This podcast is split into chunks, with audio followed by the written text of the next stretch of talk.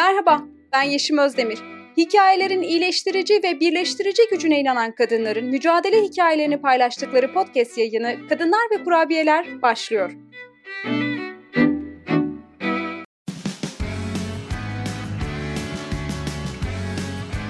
Oku, dinle, izle. Kısa Dalga. Merhaba canım kadın. Ha, merhaba. Nasılsınız? Teşekkür ederim. Siz nasılsınız? Ben de iyiyim. Sizi gördüm daha iyi oldu. Çok teşekkürler. Dilerseniz hemen klasik sorumu sorarak başlayayım. Bugün ne olmayı seçtiniz? Ben genellikle karga olmayı seçiyorum sanırım. Neden? Neden kargayım? Çünkü karga rahatsız edicidir. Doğruyu söyler, insanları rahatsız eder, kulaklarını tırmalar. Onları düşünmeye, endişe etmeye veya geleceği sorgulamaya falan zorlar onları. Yani hoşlarına gitmeyen şeyler sor- söyler, duymak istemeyecekleri. O yüzden kargayım. Genel sosyal hayatınızda da hep böyle tanımlar mısınız kendinizi? Evet, etrafımdaki çok insan bilir. Yani ben onun ruh hayvanım olduğunu düşünüyorum. Peki bize biraz kendinizden bahseder misiniz? Ee, Ben 53 yaşındayım. Çok güzel büyük bir şehirdeyim Ege bölgesinde. Hı hı. E, iki başarısız evlilikten beş başarılı çocuğum var.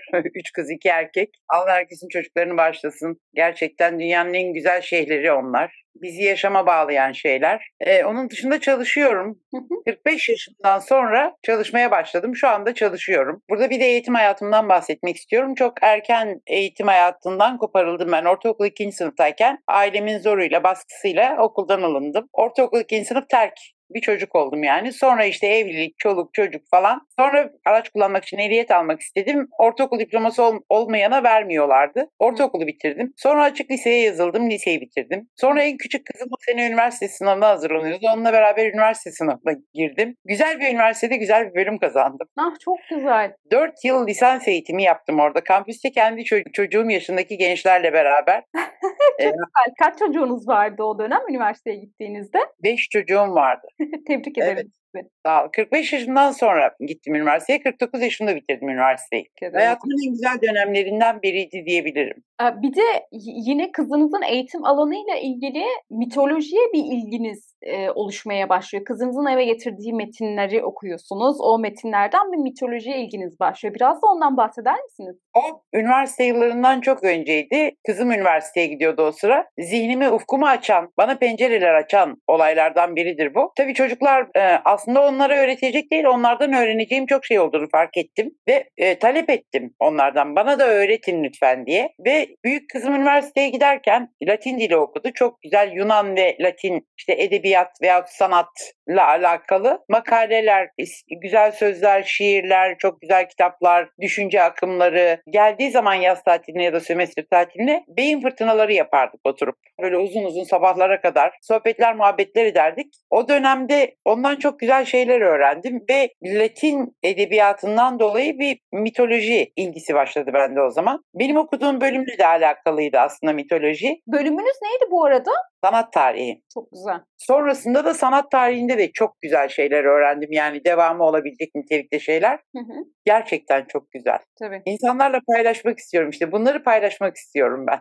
Bunun için var kadınlar ve kurabiyeler. Peki mitolojiye benim de ilgim var ama ilgim hiç şey noktasına gelemedi maalesef. Böyle çok okuyup araştıracak kadar o noktaya gelemedi. Hep ama mitolojik hikayeleri dinlerken çok ilgiyle dinliyorum. Kadınlar ve kurabiyelere de uygun olacağını düşündüğünüz güzel bir mitolojik hikayeniz var mı bizimle paylaşabileceğiniz? Aslında çok var. Çok sevdiğim hikayeler var ama Daphne ile Apollo'nun hikayesini anlatmak istiyorum. Daphne bir orman perisi. Çok güzel bir kız. Bir tapınağa rahibe oluyor. Tapınak rahibesi yani. Bekaretle yeminli. Hizmet ediyor tapınakta. Güneş tanrısı Apollon Daphne'yi görünce aşık oluyor. Aslında o zaman adı Daphne değil. Bir Nereid yani. Orman kızı, orman perisi. Ama kız yani yeminli olduğu için, tapınak rahibesi olduğu için Apollon'dan sürekli kaçıyor. Kız kaçtıkça Apollon ısrar ediyor.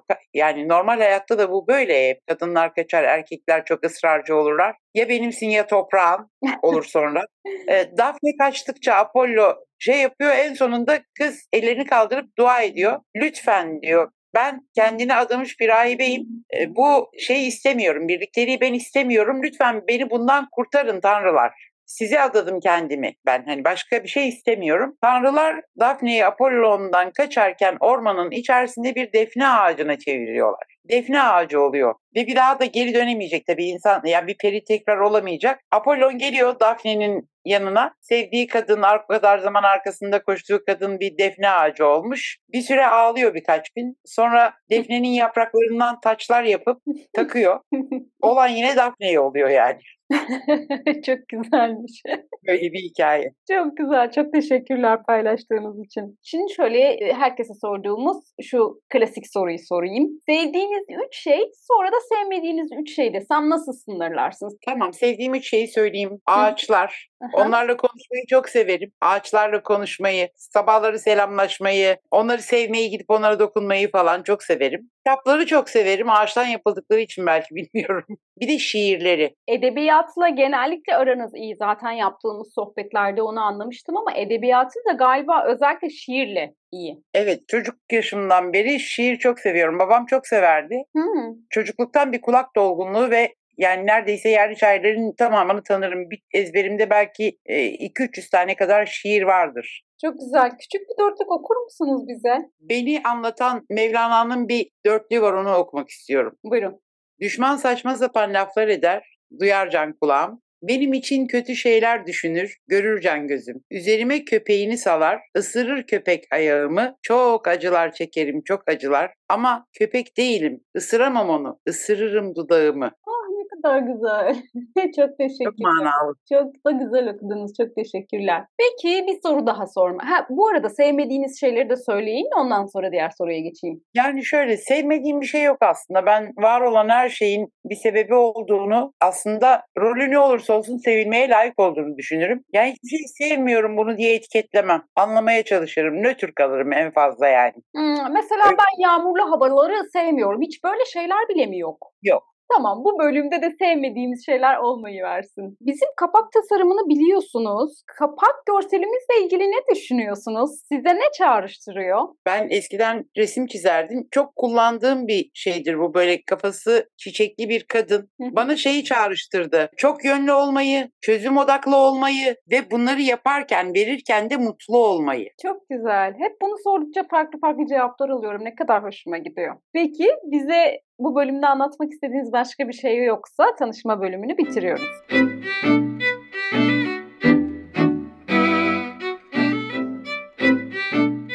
Şimdi hikaye bölümüne geçeceğiz. Hikaye bölümü biliyorsunuz şu sorumuzla başlıyor. Bizimle paylaşmak istediğiniz hikayeniz nerede başlıyor? Doğrusu spesifik bir an değil benimki. Çocuklarımın ergenliğiyle başlayan uzun soluklu bir süreç içerisinde benim hikayem, değişimim. Beni sorgulamaya iten, hayatı bana sorgulatan, kendimi anlamamı, tanımamı, yaşadığım hayatı fark etmemi sağlayan şey çocuklarımın ergenlik yaşları. Zeki, ısrarcı, talepkar, bizim istemeye cesaret edemediğimiz şeyleri isteyen, üstelik ısrarla isteyen, elde etmek için sonuna kadar mücadele eden çocuklar. Ben 15 yaşında evlendim. Ergenlik nedir bilmedim. Hı hı. Ben ve benim dönemim gerçekten birçoğumuz ergenlik diye bir şey yaşamadık yani. Tabii. Bir değişim yani fiziksel, ruhsal, duygusal, hormonal bir sürü değişimler oluyor insanın vücudunda. Kendimde gözlemleyemediğim şeyleri çocuklarımda gözlemledim. Onlar üzerinden kendimi anladım. Kendi ergenliğimi, kendi çocukluğumu, o dönemlerimi, nasıl geçtiğini, ne şekilde bastırıldığını, ne şekilde yasaklandığını. Eğer öyle olmasaydı ne olurdu acaba? Hani bana bir özgürlük verilmiş olsaydı, kendimi gerçekleştirme, kendimi yaşama özgürlüğü ne olurdu acaba? Tüm bu sorgulamalar sizi hayatınızda değişiklik yapmaya mı itti? Evet. Şöyle bu çok kolay bir şey değildi. Çok zor bir süreçti. Ama güzel şeyler başardığımızı düşünüyorum ben. Tabii eminim, eminim öyledir. Biraz şu evlilik sürecinizden konuşabilir miyiz? Gerçekten 15 yaşında henüz çocukken ergenliğinizi yaşamanız gereken, o değişimi, dönüşümü yaşamanız gereken bir süreçte evleniyorsunuz. Ve 16 yaşında da anne oluyorsunuz. Biraz bana o dönemi anlatır mısınız? Şimdi geriye dönüp baktığınızda 15 yaşınızı, ilk anne olduğunuz anı, çocukluktan birden evli bir kadına geçme halinizi biraz anlatır mısınız bize? Doğrusunu isterseniz evlilik değil de evcilik gibiydi. Yani bir çocuğun oyuncağıyla oynaması gibiydi anne olmak o zaman. Hiçbir şey düzgün yapamıyorsunuz çünkü zaten kendinize bile yetemezken bir çocuğa yetmek çok zor bir şey. Kendinizi gerçekleştiremiyorken, kendinize yetemiyorken, kendinize bakamıyorken bir çocuğa yetmeye çalışmak Ya 15 yaşında, 16 yaşında anne olunmaz. 17 yaşında, 20 yaşında da olunmaz. Bugün 53 yaşındayım. Ben şu anda kendimi gerçekten bir çocuk karşıma aldığım zaman ona nasıl davranmam gerektiğini, onunla ne şekilde konuşmam gerektiğini, nasıl bir iletişim kurmam gerektiğini, nasıl mesajlar vermem gerektiğini daha yeni yeni öğreniyorum, anlıyorum ben. Peki çocuk yaşta anne olmak, çok erken yaşta evlenip evliliğin sorumluluğunu taşımak hayatınızda ne gibi etkiler bıraktı? Nasıl etkiledi? şey yapıyor sizi. Yetersizlik hissine sürüklüyor. Gerçekten yapamıyorsunuz yani bir noktada artık takılıp kalıyorsunuz. Genellikle erkekler böyle şeylerin sorumluluğundan kaçıyorlar. Yani hayat sadece sizin hayatınızmış, ev sadece sizin eviniz, çocuklar sadece sizin çocuklarınızmış gibi. Sadece sizin sorumluluğunuz. Her şeyi mükemmel yapmakla yükümlüsünüz. Bir de ayrıca ona da yetişmek zorundasınız gibi davranıyorlar size. İnsanı psikolojik anlamda gerçekten çöküntüye götüren şeyler bunlar. Ve o yetersizlik, çaresizlik duygusu da çoğunlukla kadınlara şey gibi geliyor. Bu bir tek benim başıma geliyor. Herkes bunu ba- başarıyor. Herkes hem çocuk yapıyor hem kariyer yapıyor, onu da yapıyor, yemeğe de yetişiyor, şunu da yapıyor. Bir tek ben beceriksizim, bir tek ben yetişemiyorum gibi bir duyguya kapılıyorlar. O da yetersizlik ya da çaresizlik duygusunu katlanarak büyümesine neden oluyor. Yani kadınlar bir robotmuş gibi bütün bunları hepsini bir arada yapabilmek zorundaymış gibi bir baskıda oldukları için o yetersizlik duygusu herhangi bir başarısızlıkta yani tırnak içinde başarısızlıkta hemen o yetersizlik duygusu geliveriyor. İki başarısız evlilik yaptım diye tanımladınız. Şimdi o evlilikleri de düşününce toplum içindeki diğer evlilikleri de içine alarak kadının evlilik içerisindeki konumunu nasıl değerlendiriyorsunuz? Evlilik kurumu kadınların sırtında bir kamburdur bana göre, bir yüktür. Az önce de söylediğim gibi erkek e, bunun sorumluluğunu almıyor. Toplum da almıyor, devlet de almıyor. Anneniz babanız da almıyor. Siz artık evlenip gittikten sonra eşinin malısın. Devlet yetersiz, devlet kurumları yetersiz, toplum yetersiz, sivil toplum kurulu- kuruluşları yetersiz. Hani evlenip boşandım iki defa dediniz. Boşandığınız zaman ne gibi problemler yaşadınız? Boşanmanıza destek veren aile içinde bireyler var mıydı? Toplum desteği var mıydı? Devlet kurumlarının desteği var mıydı? Doğrusunu isterseniz e, boşanma bizim toplumumuzda çok hoş karşılanan bir şey değil. E, ebeveynleriniz zaten şey yapmak istemiyorlar. Çünkü işte hani boşanıp annesinin babasının evine dönmek bir sorun. Yalnız başına hayata tutunmaya çalışmak ebeveynler için başka bir sorun. Kimseden yardım alamıyorsunuz. Yani işte ne bileyim eşinizle kavga ettiniz karakola gittiniz. Polisler eşindir döverdi severdi. Hakim karşısına çıktınız. Hakim bile sizi üzerinizdeki elbiseye yani oraya giderken Hı hı. üzerinize giydiğiniz elbiseye göre tanımlıyor sizi. Ne yapmış olabileceğinizi elbisenizden çıkarmaya çalışıyor. Çok kötü bir olay yaşadım. İkinci evliliğimiz sırasında yani ilk eşimden ayrıldım. ikinci eşimle evlendim. Çocuğum oldu. Ee, bir süre sonra eski bir aile dostumuz tarafından kaçırıldım. Cinsel istismara maruz kaldım. Hı hı. Ee, yani kötü şeylerdi. Tamam tamam. Ee, Deta- detaylarını hiç bilmemize gerek yok. Çok çok üzgünüm. birkaç gün çok kötü muameleye maruz kaldım. Sonra bir şekilde kurtuldum yani oradan. Ee, olay mahkemeye falan intikal etti. Ee, zaten mahkemelerin hali işte ne bileyim polisin tavrı, mahkemenin tavrı, devletin tavrı size karşı belli savunmasızsınız. Yani rolünüzü yapmanızı bekliyorlar. Ama Evet. toplumdan da bir destek göremiyorsunuz. Yani çok iyi bildiğiniz, tanıdığınız insanlar bile e, onların bile size bakışı değişiyor. Polisin e, tavrı hoş olmuyor. işte mahkemenin tavrı hoş olmuyor. Yani onlar bile neredeyse siz mağdurken suçluymuşsunuz gibi hissettiriyorlar size. Halbuki mağdursunuz siz orada. Demin çok güzel bir şey söylemiştiniz mahkemenin tavrından bahsederken. Mahkemede hakim giydiğiniz kıyafetten bile o olayda sizin suçlu olup olmadığınızı e, anlamaya çalışıyor. Oradan yargılıyor demiştiniz. En sık karşılaştığımız cümleler o saatte ne işi vardı? O kıyafeti niye giydi? Niye güldü? Niye yakınlık kurdu? Falan filan gibi bir sürü klişeyle o mağduriyeti yok eden ve Olayı normalleştiren. meşrulaştıran aynı zamanda. Evet. Yani hep bir meşru zemin yaratılmaya çalışıyor. Kadının böyle bir meselede bile mağduriyetini bile engelliyor. Hani hep deriz ya bizim mağdur olmamıza bile izin vermediler. Evet gerçekten öyle. Ve çoğu zaman yaptıkları şey bu. Mümkün mertebe sorun çıkarmayan, ses çıkarmayan, talep etmeyen, sorgulamayan insanlar. Bu insan tipi, iktidarların işine gelen insan tipi. Biz kadınlar olarak haklarımızı bilmiyoruz mesela. Ben Kadının İnsan Hakları Eğitimi Programı denilen bir programa katıldım. Bu programda bir kadın olarak, bir insan olarak benim nasıl haklarım var yasalar karşısında, toplum karşısında, eşim karşısında, ya da ailem karşısında nasıl haklarım var? Bunları ancak o yaşımda öğrenebildim ben. Peki ben şey sormak istiyorum. İyileşme süreciniz nasıl seyretti? Biraz iyileşme sürecinden bahseder misiniz? Şöyle söyleyeyim, kendi içimde iyileştim desem herhangi bir yerden yardım almadım. Dediğim gibi çünkü şey, kimin kapısını çalacağım? Hani size polisin, mahkemenin, toplumun davranışlarını söyledim mesela az önce. Yani derdinize kimse derman olmuyor. Hiç kimse yaranızı sarmıyor. Yani daha çok kanatmaya çalışıyor insanlar. Peki sizce ne olsa iyileşme süreciniz daha kolaylaşabilirdi? Yani bireysel olarak size soruyorum ama aslında çok da genel bir şey sormak istiyorum. Genel olarak bir kadın tecavüz tacize uğramış olabilir, çok ağır şeyler yaşamış olabilir, boşanma sürecinde olabilir, orada desteksiz kalmış olabilir. Bu gibi durumları da içine alarak belki o iyileşme sürecini daha kolaylaştıran ne olabilirdi sizce? e, aklı başında bilinçli kadınlar örneğin rehberlik yapabilecek. İnsan buna ihtiyaç duyuyor. Yani oturup sizi dinleyebilecek, sizi anlayabilecek, yargılamayacak, sorgulamayacak, sadece anlamaya çalışacak. Seni anlıyorum, evet bu çok kötü bir şey gerçekten ama geçecek. Duymak istediğiniz şeyler bunlar yani. Çünkü zaten hani e, alacağınız yarayı aldınız.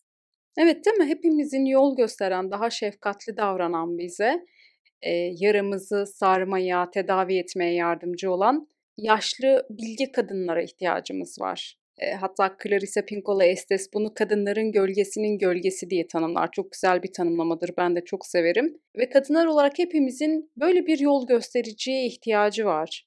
Biz kız kardeşler gezegeninden geldik hepimiz. Birbirimizin kız kardeşiyiz. Birbirimizin elini tutalım istiyorum. Çok güzel. Hikayenizi bizimle paylaştığınız için çok teşekkürler. Hikayenizle ilgili bilmemizi istediğiniz başka bir şey yoksa bu bölümü bitiriyorum. Beni dinlediğiniz için ben teşekkür ediyorum. Peki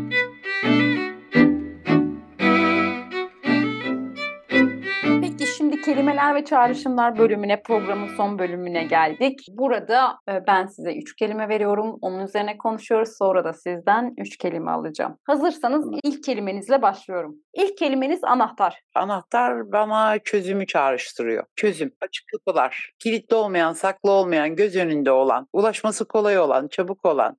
Çok güzel. Ben bu kelimeyi biraz da aslında e, bir anekdot anlatabilmek için e, bahane olarak seçmiş oldum. bu kelime üzerinden çok anlatmak istediğim bir hikaye paylaşmış olurum diye düşündüm. Tekrar hatırlayalım. Clarissa Pinkola Estes'i Kurtlarla Koşan Kadınlar'da çok güzel kadın temalı mitler ve öyküleri anlatıyor Clarissa Pinkola Estes. Ve tabii Estes bir psikanalist e, olarak o öyküleri sadece anlatmıyor, sadece yazmıyor. Aynı zamanda analiz ediyor. Orada Mavi Sakal öyküsünde bir anahtar metaforu ön plana çıkıyor ve tabii çok derin derin analizler var ama ben böyle artık yayın müsaade etmediği için özetinde özetiyle öyküyü önce şöyle anlatayım. Üzerine sonra konuşalım. İşte Mavi Sakal diye e, bilinen bir adam var. E, bu adam Hani tabii kızların kalbini çalmakla çok meşhur. Yine böyle genç bir kadının kalbini çalıyor. İşte kız mavi sakalla evlenmeye ikna oluyor. Evleniyorlar. Şatoda işte yaşıyorlar. Mavi sakal bir gün seyahate gitmeye karar veriyor. İşte evden uzaklaşacak. Giderken de diyor ki karısına işte üç katlı büyük bir şato. Giderken o üç katlı şatonun tüm anahtarlarını veriyor karısına. Teslim ederken de diyor ki tüm odalara girebilirsin ancak şu küçük anahtarı kullanamazsın. Onun açtığı odaya giremezsin diyor. E, öykü bu ya kadın merak eder. O yasaklanan odaya girmek ister. E, Mavi Sakal gittikten sonra e, bütün anahtarları dener. O anahtarı açan odayı bulur ve o odaya gider. O odaya gittiğinde de bir sürü iskeletler görür, kemikler görür. Her yer e, kan revan içindedir. Mavi Sakal'ın daha önceki öldürdüğü kadınlar e, oradadır. Tabii çok korkuya kapılıyor. Hemen kapatıyor. Dehşete kapılıyor. Hemen e, kapatıyor. Anahtarı kilitliyor. Ama kan anahtara bulaşıyor. Ve yıkamaya çalışıyor. işte fırçalıyor, temizlemeye çalışıyor. Ne yaparsa yapsın kadın anahtardan o kanı temizleyemiyor. Çünkü anahtar kanamaya devam ediyor. Anahtarı işte elbiselerin arasına saklıyor. Elbiselerine bulaşıyor kan. Dolabına bırakıyor. işte her yere bulaşıyor. Yani anahtar sürekli kanamaya devam ediyor. Metafor olarak aslında şunu söylemeye çalışıyor bize Emile Estes anahtarı merakla özdeşleştiriyor. Kadınların o merak duygusuyla. Aslında o merak hep var ve hep yasaklanır. Kadınların merakı hep yasaklanır. Çok sorma, çok merak etme, çok araştırma, çok kurcalama gibi. Ama aslında kadın anahtarın, o merakın peşine düştüğünde o kanama bir işarettir. Hayatının kanadığına dair, o yaratıcılığının, e, arzularının, hislerinin öldüğüne dair bir işarettir. Yani kadının alarm sistemlerini aslında harekete geçirmek için vardır o kan. Onun peşine düşen kadın da mesajı alıyor yani o alarm sistemleri devreye girdiği için. Birçok kadın oradaki öyküdeki kadın gibi ilk refleksi şey oluyor. Korkuya kapılıp o kanı temizlemek, öğrenmek istemiyor gibi davranır. Hepimizin belki de ilk refleksimiz e, o kanı temizlemek oluyor. O korkunun e, üzerine gidemiyoruz ya da işte o merakın o anahtarın üzerine gidemiyoruz. Ve dolayısıyla da bizde aslında ölmekte olan yaratıcılığımız olabilir, üretkenliğimiz olabilir, hislerimiz, duygularımız olabilir. Evet. Bunun da farkına varamıyoruz. Ben de bu anahtar kelimesinin vesilesiyle bunu paylaşmış olayım. Ben de Güzel ve Çirkin diye bir öykü okumuştum çok küçükken çocukken hatta sonradan filmini falan yaptılar. Hı hı. Güzel ve Çirkin ve Pandora'nın karması bir hikaye gibi geldi Estis'in hikayesi. Bu arada kitaplardan bahsetmişken ben de son Hı hı. okuduğum ve hayran olduğum kitaplardan birini önermek istiyorum dinleyecek olan arkadaşlara. Tabii lütfen buyurun. Charlotte Perkins Gilman'ın Kadınlar Ülkesi adında bir kitabı. Hı. Ee, 19. yüzyıl feministlerinden birisi. Charlotte Perkins Gilman. Muhteşem bir kitap. Çok güzel. Çok etkilen çok etkilendim ama inanamayacağınız kadar. Ee, kitaplara meraklı olan arkadaşlara öneriyorum. Mutlaka okusunlar. Öneriniz için çok teşekkürler. Şimdi hemen ikinci kelimeye geçeyim. Beyaz atlı prens. Beyaz atlı prens benim. Evet, ben kendimin beyaz atlı prensiyim. Hiçbir zaman beni kurtaracak birini gelip yani benim için ne bileyim muhteşem bir hayat yaratacak birini beklemedim. Yani bu güç hep bende vardı eskiden beri. Ama sürekli engellendim. Ama en sonunda başardım. O zaman son kelimeniz mavi olsun. Mavi, özgürlük, sonsuzluk, gökyüzü, deniz. Peki biz size üç kelime verdik. Şimdi sizden üç kelime alalım. Hmm, ben de üç kelime söylüyorum o zaman. E, meditasyon diyeyim. Aa çok güzel. Meditasyon. Kendimizle baş başa kalmak, kendimizi dinlemek, kendimize soru sormak, kendimize konuşmak, kendimizi sevmek. Bir de kediler. Kedileriniz var Kedi mı? bir tane var. Adı nedir? Mıyık. Bıyıklı mıyık diyorum ona. Benim yerime de seversiniz. Üçüncü kelimeyi alayım. Türkü. Peki hem hikayenizi bizimle paylaştığınız için hem de heybemize bu güzel kelimeleri kattığınız için çok teşekkürler. Bize söylemek istediğiniz var mı bir şeyler? E, Son sözlerinizi alayım, yayını kapatayım. Ben size ve bütün dinleyen arkadaşlara herkese çok teşekkür ediyorum. Biz Atlas değiliz. Dünyayı kaldırmak bizim işimiz değil. Sadece kendimizi sevelim. Kendimizle ilgilenelim. Kendimizi dinleyelim. Çok fazlasıyla yükümlü değiliz. Bu dünyanın yükünü taşımaya gelmedik. çok güzel söylediniz. Peki çok teşekkürler. Sağlıcakla kalın. Ben teşekkür ediyorum. İyi akşamlar diliyorum.